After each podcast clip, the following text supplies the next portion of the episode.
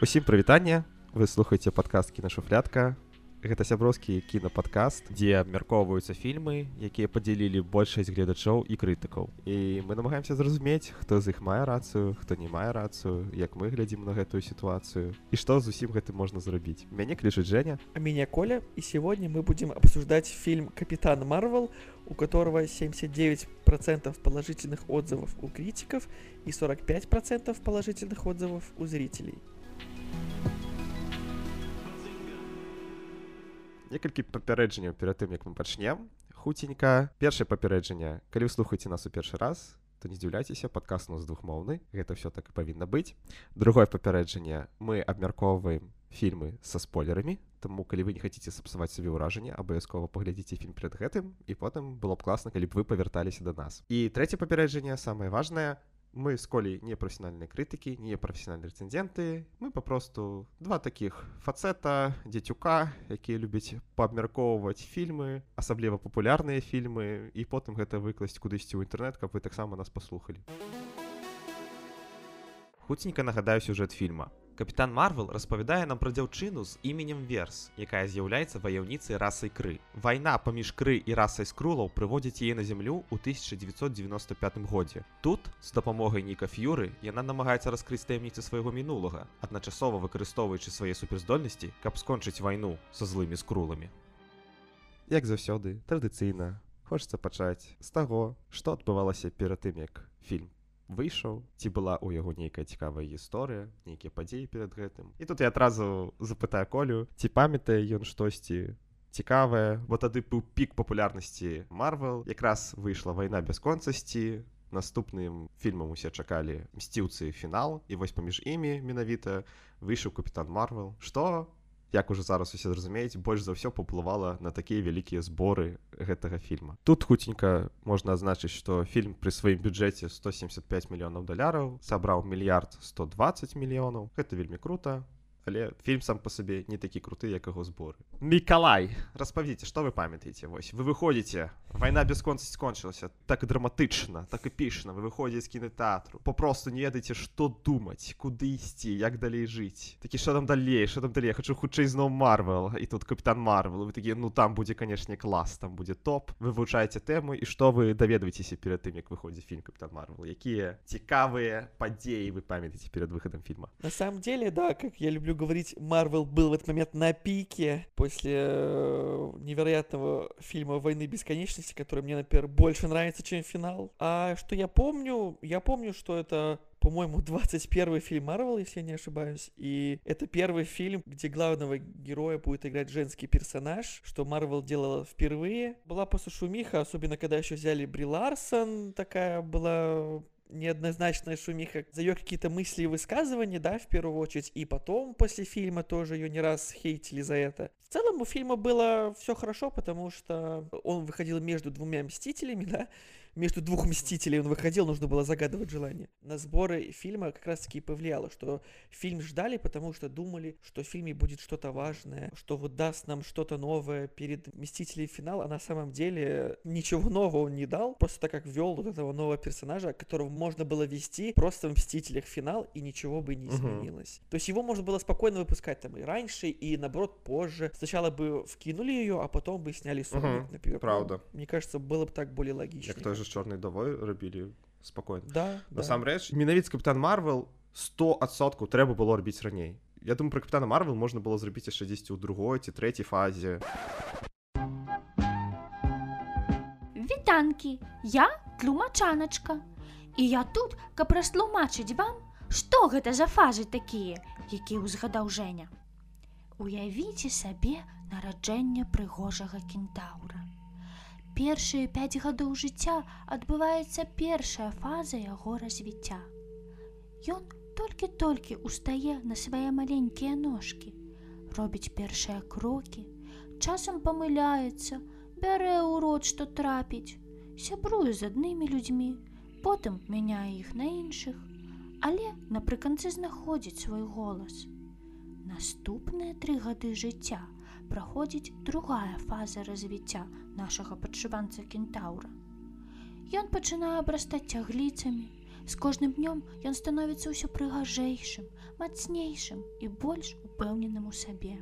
І вось на дзевятым годзе свайго жыцця пачынаецца трэцяе, самая яскравая, самая пярэстая і актыўная фаза развіцця дзецюка кентаўра. Яна працягнецца чатыры гады і зробіць яго адной з найпрыгажэйшых істот у свеце. Канешне, наш спадар кентаўр не застрахаваны ад мажлівасці атрымаць вялізны прышт пад назвай капітан Марвел. Але пра гэта хлопцы распавядуць ужо самі. На гэтым усё. З вами была тлумачаначка. Бывайце.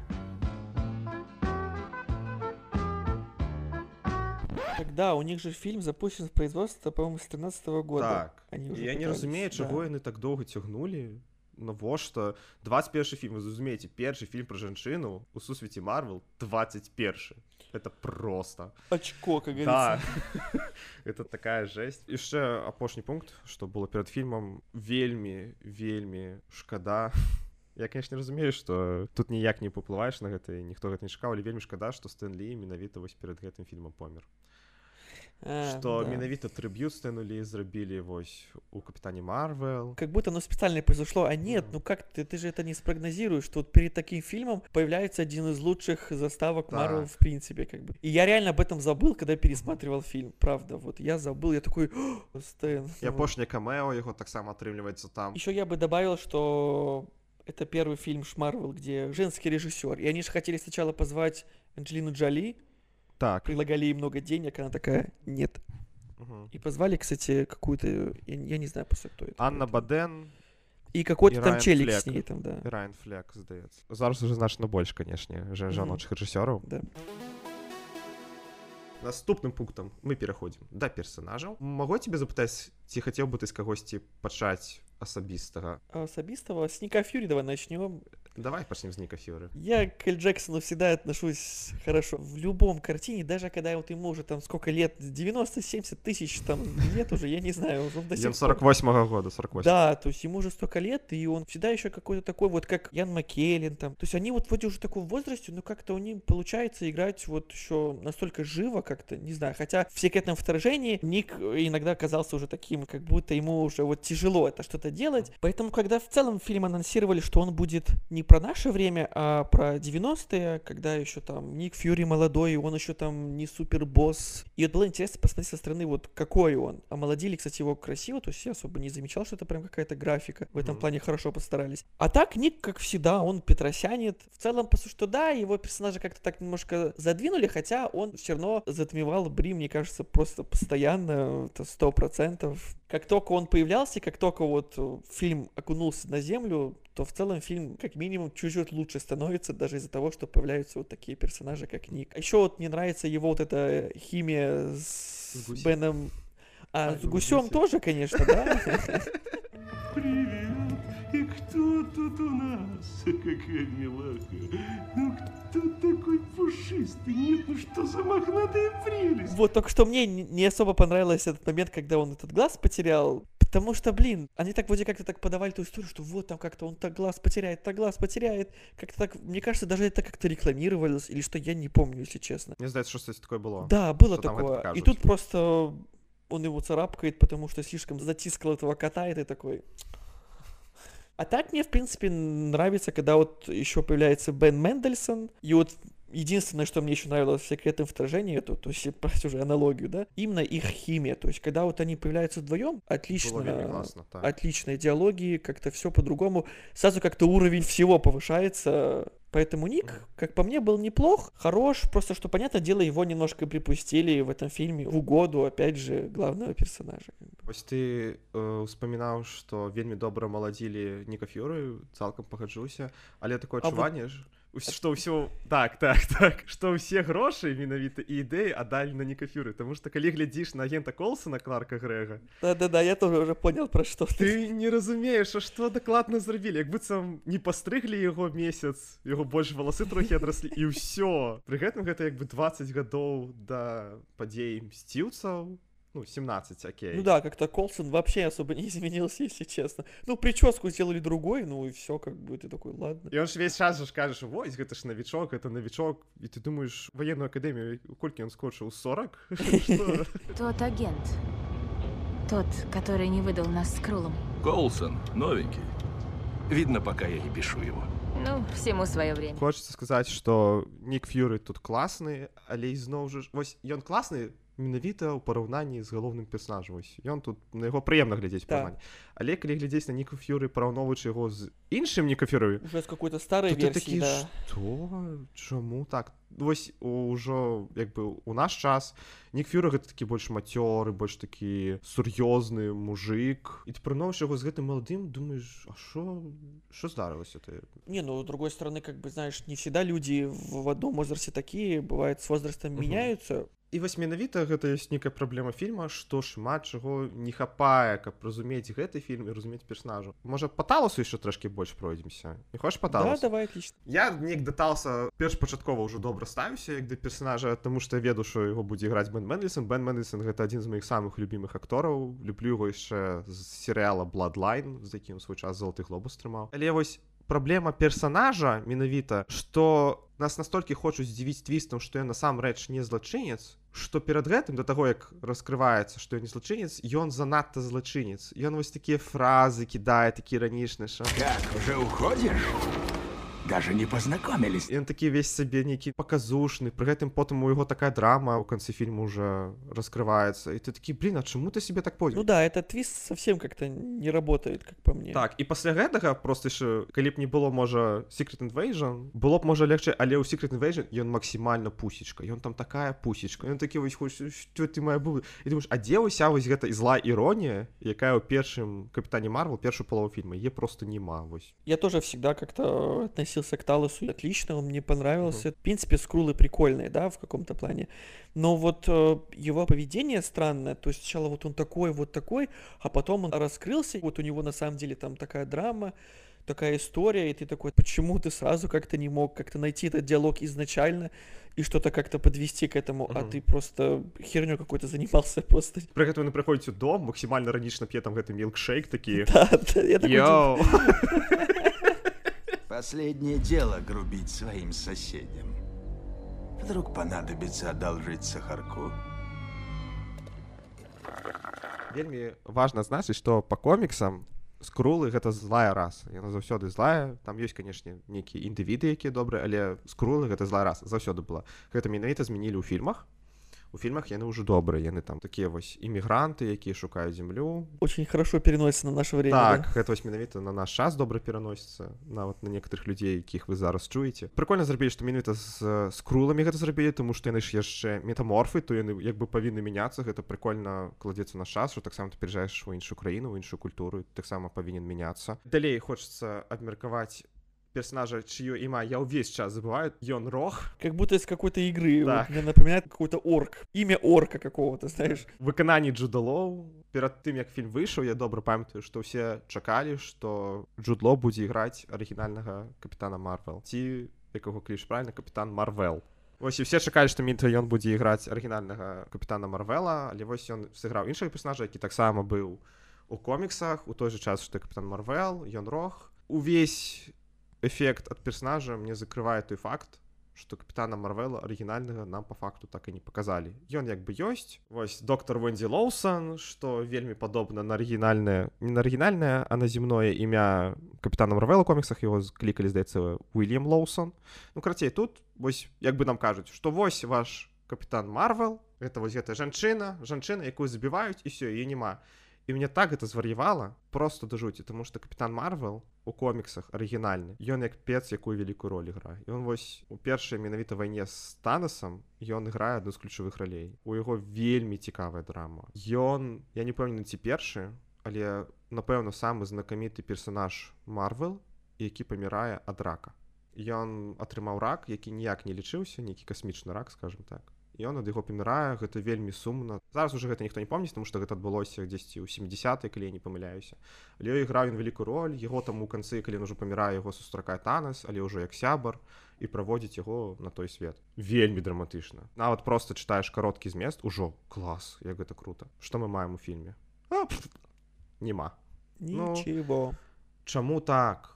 Я не разумею. Я вось яшчэ разумею, як больш-менш зрабілі з Хэнкам Пімам у чалавекі мурашкі. Ён таксама адыходзіць больш на задні план. Хэнк Пім гэта як бы арыгінальны чалавек муравей. Но он уже три фильма живет.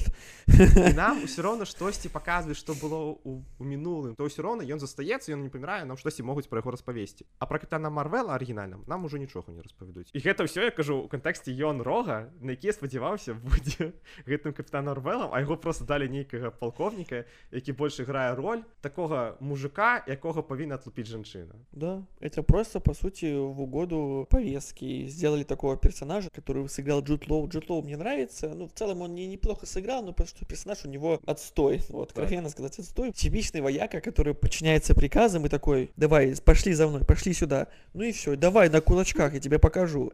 Ну все, как бы, никакого просто наполнения.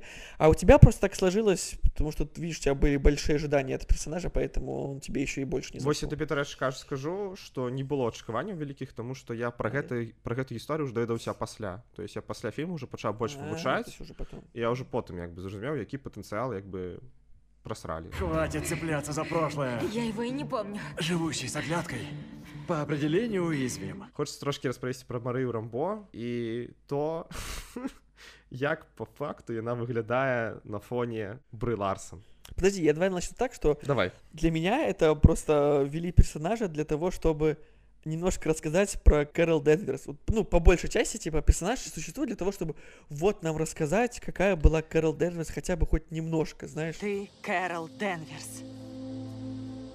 Пилот с той записи, что рисковал жизнью ради благого дела.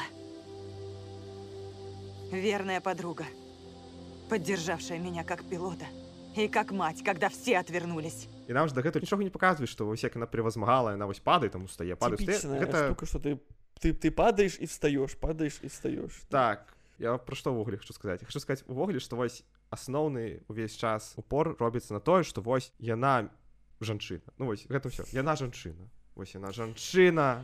Яна жыла ў такі час, калі жанчынам было дрэнна. Амаль попала ў гэту акадэмію, там з яе смеюцца, з яе здзекваюцца, вось усё гэта. І вось стаіць яе сяброўка, якая таксама жанчына, але яна яшчэ з меншасці, таму што яна афраамерыканка. І яе яшчэ ўвесь гэты час было дзіцё на шыі. І ты думаеш, слухай, окей, Карл Денверс, распавядзі пра сябе Соніка маё, як ты з усім гэтым справілася. Ты ж маё маленька, што ў цябе, ты ў цябе там дзіцё пры гэтым, табе там трэба было вучыцца, я так разумею, працаваць, каб гэта дзіцё пракарміць. Да мне сраць на гэту капітан Марвел, ты як? И мы такие, так, может, расскажите нам про нее? Она такая, нет, я лучше вам буду рассказывать про Кэрол. И такой, Ну. ладно. Усе персонажы вакол капітана Марвел яны створаны толькі для таго, каб прадвігаць саму капітан Марвел. Нік Ф'юры выглядае неяк дзіўна. Таласа кідае туды-сюды. Марыя Рамбо увогуле нам пра яе нічога не кажуць, хаця я б вельмі хацеў пра яе паслухаць, што з ёй адбываецца гэты ён рог таксама. Вось усё створана для таго, каб успіхаць капітана Марвел далей, а свайго нейкага ўласнага характару яны не маюць. Яшчэ тут э, хуценька скажу просто так мімаходам вышэйшы разум гэта просто нейкая каніна я не ведаю. Адзін з самых тупых злачынцаў які можа быць адзінае што вам кажуць пра яго що круты настолькі круты што не можаш его бачыць ён табе штось скажа у тебе галава лопне і вось таксама кажа што вельмі круты і пры гэтым ён адзін раз хапае капітана марвела ён просто там 5 хвілін ён уцякае пры гэтым таксама не зразумела што гэта што мене хто гэта стварыў навошта гэта патрэбна гэта прэзідэнт планеты хто гэта И снова ничего, Так. да. Вось і капітан Марвел ну гэта просто павестачка. Гэта вось адным словом пісаць гэта просто павестачка. Вось праблема шмат якіх сучасных фільмаў дзе галоўны персонаж гэта жанчына тое што нам паказваюць толькі іх крутымі. Нам не паказваюць іх слабымі. І мы не можам сябе з імі параўноўваць таму што ўсе людзі адчуваюць сябе ў нейкі момант слабымі. А капітан Марвел увесь фільм она ўвесь фільм офігеть якая крутая сильная і нам нічога не даюць што яна слабая. Яна там можа і ў кайданках біцца і ўвогуле увесь час яна як бы моцная але пры гэтым я штосьці стрымлівае вось гэты нейкі чып і пасля чыпу яна яшчэ больш моцная і ты ўвогуле не разумееш а хто і можа штосьці процівапаставіць на ўсіх за 5 хвілін раскидывае Да, поэтому Капитан Марвел это просто ходячий шаблон, и, и в целом нам про нее на самом деле мало что рассказывают про самого героя, да, и по какой причине мы должны как-то сопереживать за персонажа, как-то беспокоиться вообще. Поэтому тебе и нравится персонаж там котика и там еще кого-то, да, то есть, потому что, ну вот, э, ты видишь котика, это, конечно, читерство на самом-то деле, ку- котиков Ну запихивать. от да. ты адчуваеш што яго больш характару чым у Бры Ларс Да, то есть даже у котика котик показался почему-то интереснее, чем главный персонаж. нават вось адзіны момант дзе яны маглі больш-менш паказаць што персонаж неяк развіўся у пачатку фільма яна вось б'ецца з гэтым ён рогам ён як бы яе перамагае і то яна ў канцы зноў просто яго страляе і ў канцы вось ён кажа давай вось все без суперздольнасцяў Давай, докажи мне, давай махаться. Но бойцом ты станешь, одолев меня только как верс. И это твой экзамен, это твой момент истины. Давай без фейерверков, без пушек, докажи мне! яна просто у яго страляе ён падае і все яна кажа навошта мне штосьці даказваць і ты такі ну можа табе як бы самой сабе нічога не трэба даказваць тому что ты персонаж сотого левела Ён-Рогг персонаж пятого левела і зразумела что ты можаш яго там левым мізінчыкам бахнуць але мне як гледачу хочацца убачыць что ты як персонаж спачатку фільму до конца фільма неяк развілася і що ты можаш калі ўжо глядзець з боку павесткі мужчыну перагуляць у мужчынскай гульне что твой мацней у яго гульне не ў сваёй гульне дзе ты офігеть на якім узроўні Да, на самом деле, это даже выглядело бы шаблонно, чтобы она вот победила бы его в драке, но она хотя бы завершила как-то вот этот вот все вот это вот развитие какое-то, да, Мгм. к- какое-никакое. Мгм. Оно хотя бы завершилось и зациклилось бы, а так, получается, просто не так бах, и все это Мгм. такое. Ну и плюс э, то, что она какая-то имба, то есть она настолько сильная, что нет какого-то предела. Так. Ты не понимаешь, насколько она может быть сильной. пераходзім до сюжэту Сюжет здесь на самом деле он максимально странный, потому что сюжетом здесь проблем просто навалом. Опять же, начиная вот просто даже с раскрытия персонажа, если вот уже плавно переходить от персонажа к сюжету, просто в сюжете их не пытаются как-то раскрыть. Еще, конечно, тупо, что они говорят, что вот война между Кри и Скрулами. Про войну ничего. Что за война? Почему она началась? На каком мы этапе войны, как бы, да, то есть не осознаешь вообще, что это за война, то есть как она происходит, где она происходит, почему, то есть ноль инфы вообще. И как нам эта война должна цеплять? Да, она цепляет, по сути, по большей части из-за того, что Талос там рассказывает свою историю, ну и все. Ну і тое не вельмі раскрывае пры гэтым гэта Ну ж... то не сильно раскрывает, Гэта ж да. першы фільм дзе по факту з'яўляюцца скрулы. Дагэтуль у Дисней не было правоў на скрулы тому яны як бы там Да, і не да. з'яўляюцца Ну і сапраўды распавядзіце пра гэту расу. Вось талас ён пачынае казаць што вось мы насамрэч добрыя кры тут злы распавядзі больш анімацыйную нейкую ставку зрабіце што там адбывалася. І нам просто кажуць што вось кры хацелі імперыялізм а мы не хацелі быць под гэтым імперыялізмом Ну Окей нейкія асацыяцыі з уласных жыцця я магу там зрабіць. Ну я а там іншыя людзі там нейкі французы іспанцы японцы ці зробяць яны гэтай асацыяцыі ну наўрад ці яны зробяць гэтай асацыяцыі Да, хотя бы давали бы каких-то, прости, перебью, Мгм. про- каких-то флешбеков. Ну, Да. то есть мне, например, просто нравится всегда форма рассказа истории через флешбеки. Мне всегда это цепляет. Даже в- когда я стала рассказывать историю, наложите хотя бы какие-то картинки, даже анимацию какую-то, что, что угодно, как бы. И ничего. И ты должен как-то просто через рассказ как-то сопереживать с Крулом. Хотя как ты можешь им сопереживать, если вот до этого тут Скрул выпендривался и показывал себя максимально странно. И ты такой, блин, как?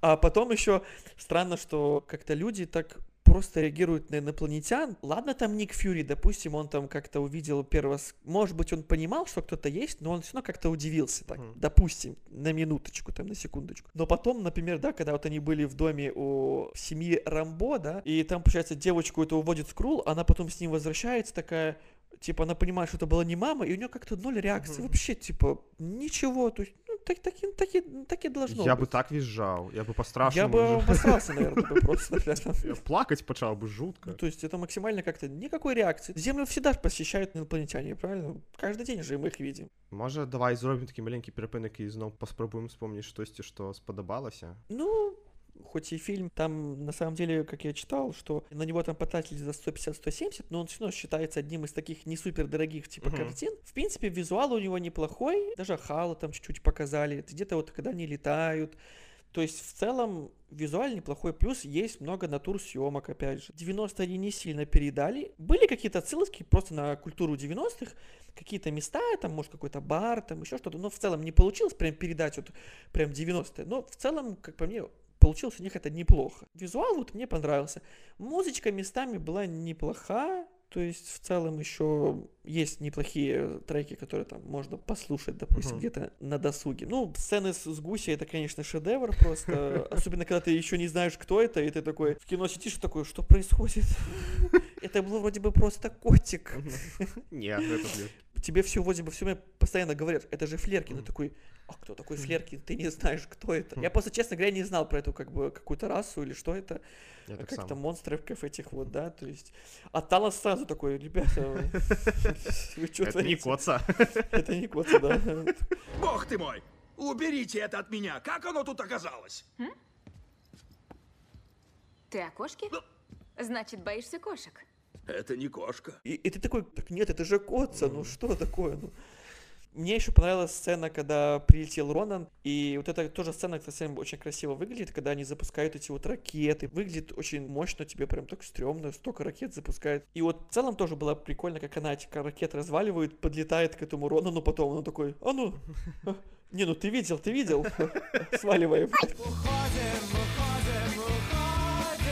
В общем, есть неплохие моменты в фильме, есть и прикольные какие-то. Есть даже шутки от Ника Фюри прикольные на самом деле. То есть Я ось хацеў адзначыць таксама што гумар адна з найлепшых частак фільма ён не працуе ў 100сотках выпадкаў але большую частку асабліва звязана той што з нікам яно добра працуе ён такі трохі твой баця такі у сэнсе шутак і такая некая добрая асацыяцыя з гэтым усім але калі гумар скажем так дакладна звязаны з брэй ларсом і з капітана марвел ён увогуле не працуе ты не разумееш Мгм. папросту гэта вось як адна сцэна дзе нік фюры пытае Карл Денверс як яна можа даказаць што яна не скру Ну ладно, твой черед.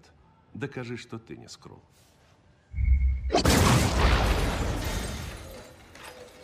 Яна просто ўзрывае аўтамат і ён сядзіць такі Окей, я не про цябе не пра скрулаў нічога не ведаю. Адкуль я ведаю што скрулы так не робіць она што сімур сумаджыць і пры гэтым вядзе сябе як мудак тому што ну такія штукі такія аўтаматы яны не тана каштуюць І мне здаецца грошы яе не было на той час і другі момант які я таксама не зразумеў што тут смешнага яна дагэтуль там кіруе караблямі касмічнымі яна нават дзесьці там заскаквае у капсулу скрулу калі збягае з карабля скрулаў Ага. потым забегае там дзесьці у карабель гэты новы які яны ўжо калі на зямлі таксама знаходзіць якім кіраваць і такі ўсё добра хутка разбіраецца ўсё там атрымліваецца гэта зрабіць але пры гэтым калі трэба сесці за клавіатуру і штосьці напісаць і яна так гэта медленно робіць паволь і ты такі А што што ты ангельскую не памятаеш не, не умееш карыстацца пальцамі? Карацей вось такі гумор вельмі дзіўны. Яшчэ хутка значу я гэта ўвогуле часам не заўважаю але тут праца з масоўкай яна нейкая жудасная нават вось э, самая яскравая сцэна калі яны прылетаюць на караблі гэтага марвела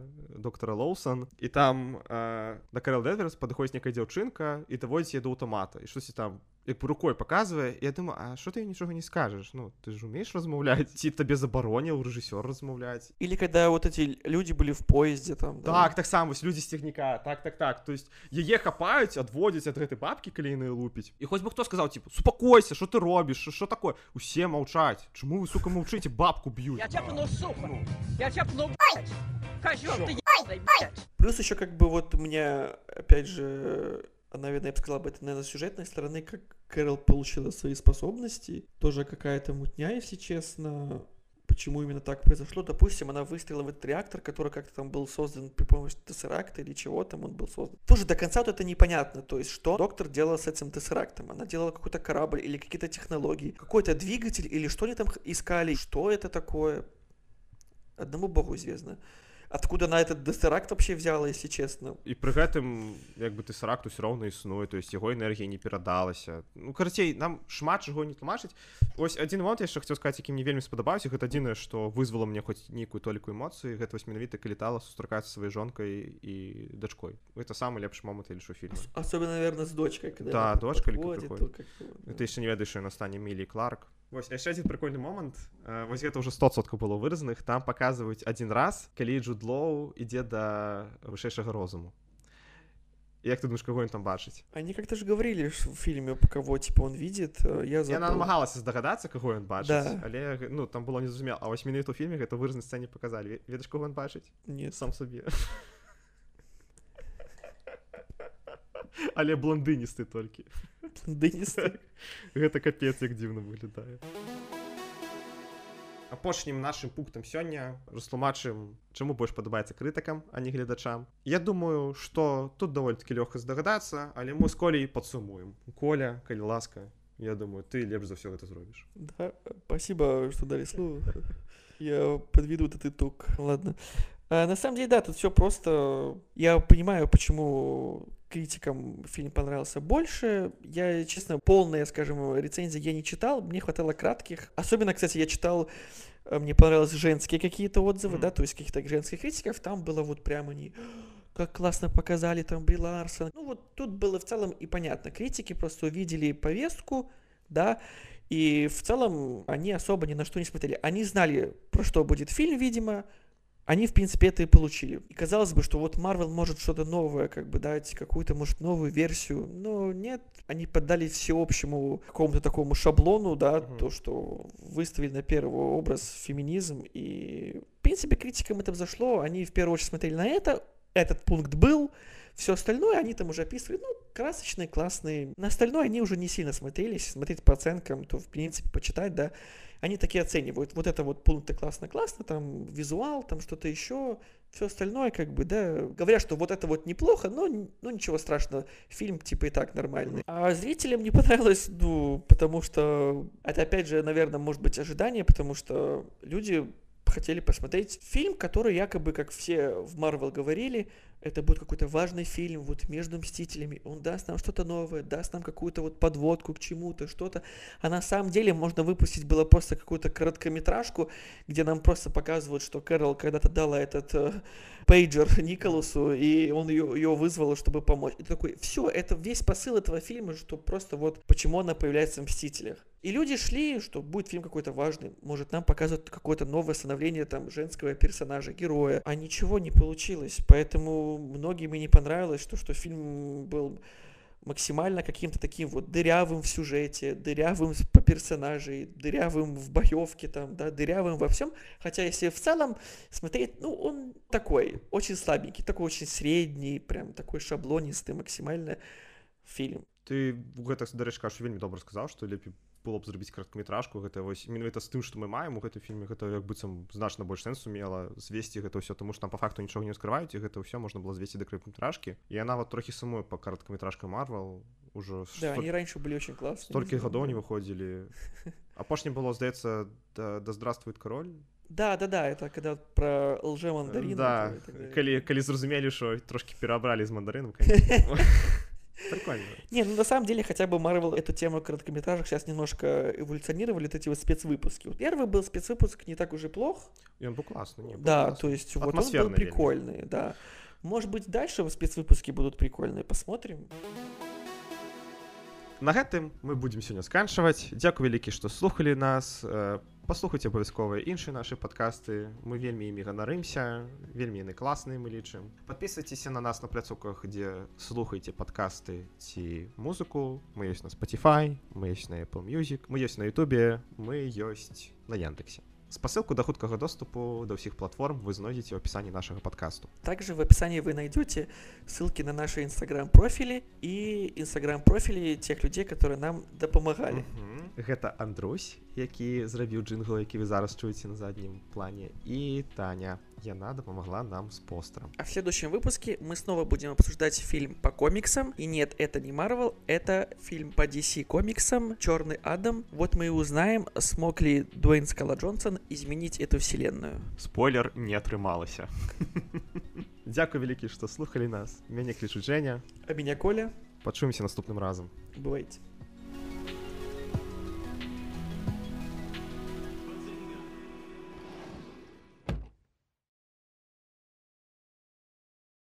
Ну там можа з табой адзін раз пасмактаўся перад гэтым і ўсё.